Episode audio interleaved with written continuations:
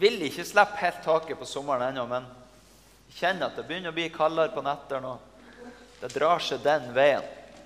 Og Nå skal dere få bare høre en liten bit til fra min barndom. For da var det én ting som gjaldt om høsten, i høstferien. Det skulle brukes til å få opp potetene. Det var det som sto på da. For de måtte berges før frosten satte inn for fullt. Og det var ikke noe kjære mor. Da skulle alle bidra. Om du ble aldri så kald på fingrene. For det kan være ganske kaldt i Nord-Norge i høstferien.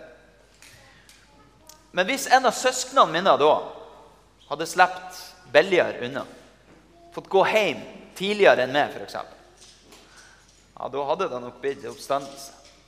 Da hadde jeg rett og slett blitt ganske sur. For sånn er vi mennesker. Vi sammenligner oss med andre, vi passer på, og så er vi ganske raske med å buse ut urettferdig. I hvert fall hvis vi føler at den urettferdigheten gikk utover oss.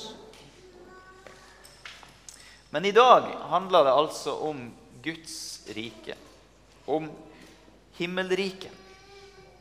Og der er det en del av våre forestillinger som blir snudd ganske på hodet.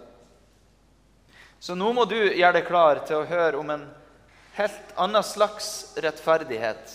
Og så må du passe på så ikke du kaller den urettferdig. La oss be. Himmelske Far, vi takker deg for ordet ditt til oss i dag.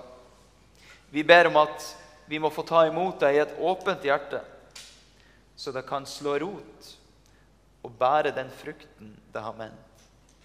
Det ber vi om for Jesu Kristi skyld. Amen. Dette hellige evangeliet står skrevet hos evangelisten Matteus i det 20. kapittel. Vi leser vers 1-16 i Jesu navn. For himmelriket er likt en jordeier som gikk ut tidlig en morgen for å leie folk til å arbeide i vingården sin. Han ble enig med arbeiderne om én denar for dagen og sendte dem av sted til vingården. Ved den tredje time gikk han igjen ut, og han fikk se noen andre stå ledige på torget. Han sa til dem, 'Gå bort i vingården, dere også.' 'Jeg vil gi dere det som er rett.' Og de gikk. Ved den sjette og ved den niende time gikk han ut og gjorde det samme. Da han gikk ut ved den ellevte time, fant han enda noen som sto der, og han spurte dem, 'Hvorfor står dere her hele dagen uten å arbeide?' 'Fordi ingen har leid oss', svarte de. Han sa til dem, 'Gå bort i vingården, dere også.' Da kvelden kom, sa eieren av vingården til forvalteren, Rop inn arbeiderne og la dem få lønnen sin. Begynn med de siste og gå videre til de første. De som var leid ved den ellevte time, kom da og fikk én denar hver. Da de første kom fram, ventet de å få mer, men de fikk også én denar. De tok imot den, men murret mot jordeieren og sa:" De som kom sist, har arbeidet bare én time og du stiller dem likt med oss, vi som har båret dagens byrde og hete. Han vendte seg til en av dem og sa, Venn, jeg gjør deg ikke urett. Ble du ikke enig med meg om en denar? Ta ditt og gå. Men jeg vil gi ham som kom sist, det samme som deg. Har jeg ikke lov til å gjøre som jeg vil med det som er mitt? Eller ser du med onde øyne på at jeg er god? Slik skal de siste bli de første, og de første de siste. Slik lyder Herrens ord. Hellige Far, hellige oss i sannheten. Ditt ord er sannhet. Amen.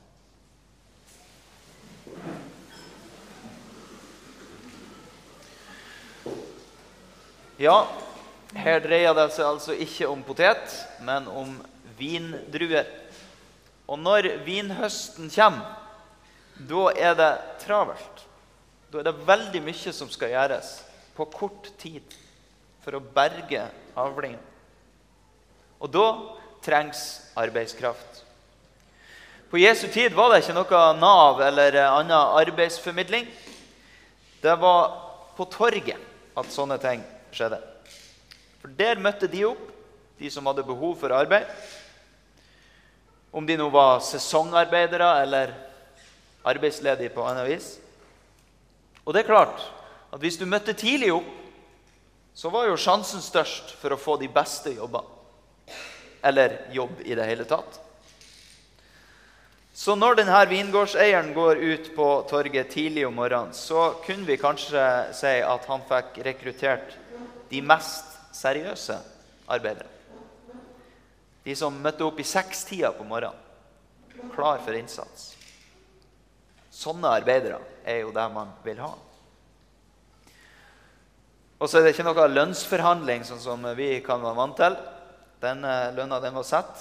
Vi får tilbud om én denar, og det var en helt alminnelig dagslønn. Greit nok. Men her trengs det mer arbeidskraft, så jordeieren går ut på torget igjen klokka ni på morgenen. Da er det kanskje vi B-mennesker som har dukka opp. Eller de som har hatt en litt kranglete morgen med ungene, som har rekt å komme seg på torget. Hva vet vi? De får i hvert fall arbeid, de også. Og de blir lova hva da? Hørte du det? Det som er rett, var det han sa til dem. Så de vet ikke akkurat i kroner og øre hvor mye de skal få. Men de skal få det som er rett. Men så stopper det ikke det. Han tar en tur i den sjette og niende time også, altså klokka tolv og klokka tre. Hva slags arbeidsfolk får du tak i da? Latsabban, kanskje. Og så enda en tur. I den ellevte time. Klokka fem på ettermiddagen. Når det er én time igjen av arbeidsdagen. Hvem av dere hadde gidda å ta den turen for å få tak i noen til for én ussel times arbeid? Men de som står på torget da, de får også være med. Og så følger lønnsoppgjøret. Samme lønn til alle sammen. Er det rart at det er noen som murrer? Det tipper jeg du òg hadde gjort. Du ville ha sagt urettferdig. Jeg har gjort mer. Jeg fortjener mer. Vi kjenner denne urettferdigheten som vi kaller det, langt inn i ryggmargen. Og da, skjønner du, står vi i fare for å se med onde øyne på Guds godhet. Det fins mange slags tolkninger på hvem de her vingårdsarbeiderne representerer. Jo, det er skillet mellom jødene og hedningene som tror på Messias. For Noen kom jo tidlig inn i Guds rike, og andre ble poda inn senere. Ja. Eller den kanskje mest velkjente, som du muligens har hørt. Det er de som har levd et langt liv i tro og forsakelse. Og så er det de som kommer til tro på dødsleie. Det er de i den siste tiden. Det kan i og for seg stemme, det òg. Og kanskje har du møtt de, du også. Det har i hvert fall jeg, som sier at nei, det der med tro og sånt, det, det tar jeg seinere. Gambler litt med det der. Da kan du tipse dem om at det er en veldig dårlig strategi. Fordi eh, sånne ting er det vanskelig å spekulere i. Men nå skal du høre en ting. Alle sånne tolkninger de spiller egentlig ikke så veldig stor rolle. For vi må spørre hva er det her som gjelder for oss? Og Hvis vi skal forstå mer av det, så må vi se på sammenheng, som denne lignelsen står i. Hvis vi går bare litt tilbake, så finner vi ei kjent fortelling om en rik, ung mann som kommer til Jesus og spør hva skal jeg gjøre for å få evig liv.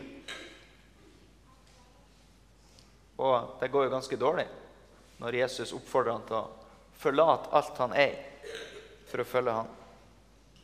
Og så ser vi at det å komme inn i Guds rike, det er umulig for mennesker. Det er bare mulig for Gud. Og så får vi høre en interessant dialog mellom Jesus og Peter. For Peter han kommer liksom snikende inn og så sier han, men eh, hva med oss? Vi har jo forlatt alt for å følge det. Hva skal vi få? Så svarer jo Jesus ganske raust at eh, dere skal få mangedobbelt igjen av det dere har forlatt. Og dere skal arve evig liv. Og Så avslutter han med de her mystiske ordene. Men mange som er de første, skal bli de siste. Og de siste skal bli de første. Og Det var omtrent på samme vis han avslutta dagens lignelse. Slik skal de første bli de siste, og de siste de første. Det er altså det Jesus har prøvd å si noe om til oss.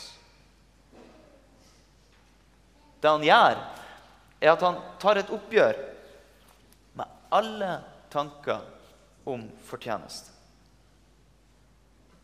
Og det er jo sånn vi er vant til at alt fungerer.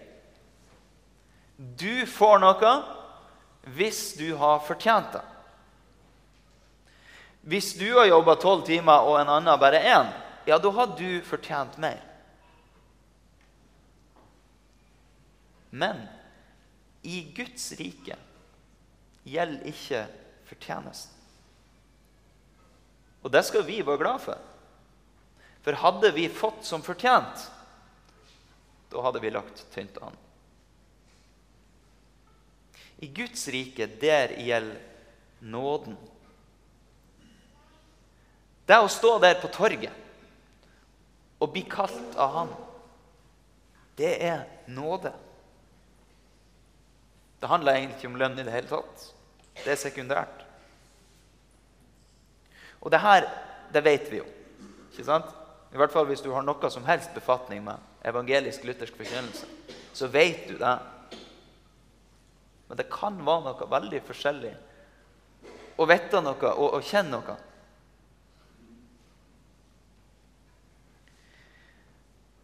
For hvor lett har ikke vi for å tenke på akkurat samme måte, vi også? Jeg skiller meg jo litt ut her i dag ikke sant? med de hvite klærne mine. og sånn. Jeg må jo være litt viktigere enn dere. Eller omvendt. Jeg gjør ikke så mye. Det er så mange andre som har så mye mer å gi. Og så mange gaver som jeg ikke har. Jeg havner nok langt ned på lønnsstigen i Guds rike. Jeg hørte et vitnesbyrd en gang i min eh, tid i Bergen fra en uh, ung, voksen mann som hadde gjort mye godt kristent arbeid i forsamling og bedehus. Han, hadde brukt, han var en dyktig sanger. Han hadde brukt sangen og forkynnelsen til å gjøre en solid innsats i Guds rike. Det tror jeg alle kunne skrevet under på. Og Så skjedde det at han ble alvorlig syk. Det var en reell sjanse for at han kom til å dø. Og Så forteller han i dette, i dette vitnesbyrdet åpent og brutalt ærlig hvordan han gir seg til å anklage Gud. Her har jeg tjent det med min tid og mine krefter i alle år. Og så er det her takken! Du overlater meg til sykdom og død. så kjente han at han fikk avslørt hva som bodde aller dypest i hjertet hans. Og det er sjelden noe behagelig å bli konfrontert med. Hørtes den reaksjonen kjent ut? Den ligna på noe, syns du? Den ligna på han eh, eldste sønn Han som er bror til den bortkomne sønnen. Ikke sant? Han også mente jo at han hadde fortjent noe annet. For det er mange koblinger mellom de her lignelsene og vårt liv.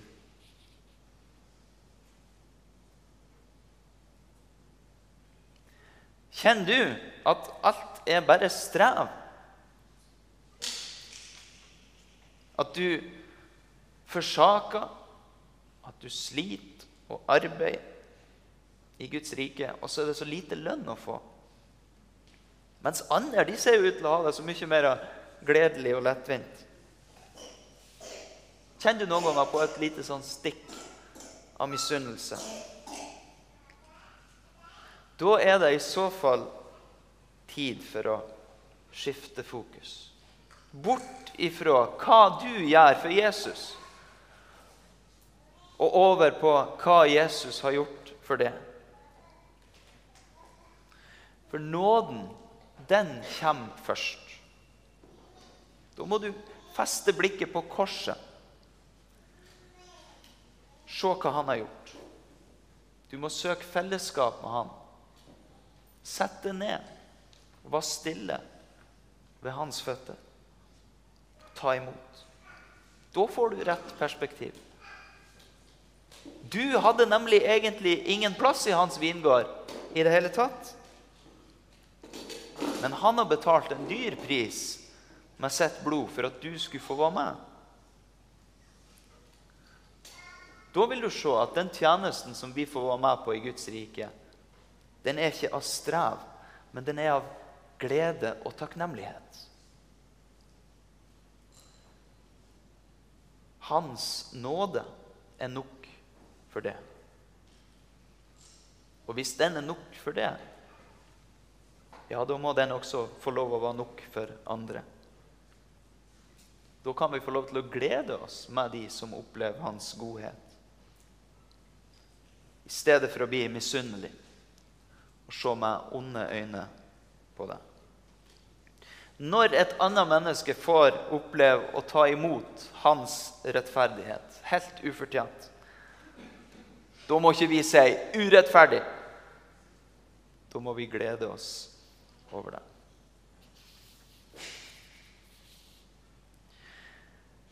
Det er mange ting vi må lære oss om Guds rike og hvordan det fungerer det. Men i dag skal vi bare legge merke til én ting til. Og det er noe helt konkret. Når vi skal feire nattverd her, så er jo også ting ganske snudd på hodet. Egentlig så var det jo vi som skulle ha stelt i stand et festmåltid og rulla ut den røde løperen for vår Herre og Mester. Og så viste det seg at det også er omvendt.